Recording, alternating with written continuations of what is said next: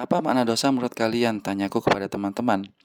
Cukup banyak berkomentar di antaranya menjadikan kita menyesal, membuat diri kita malu dan hina. Redaksi jawaban yang memang tidak salah, tapi jika efeknya terus tenggelam dalam penyesalan, lalu tidak mau berbuat baik, ini yang menjadi sebuah problem. Menarik ada sebuah komentar dari sahabat hijrah. Dosa itu menyebabkan rahmat Allah Ustaz. Ia pun menjelaskan, dengan adanya rahmat Allah, jadi saya termotivasi tidak hanya menyesali dosa saya terus-menerus. Saya pingin lebih lagi berbuat kebaikan. Hmm, dia memang termasuk kategori orang yang ingat akan dosanya. Maka dia mengamalkan surat yang ke-11 ayat ke-114. Karena pesan ini diberikan kepada orang yang ingat. Sesungguhnya perbuatan-perbuatan yang baik itu menghapus perbuatan yang buruk.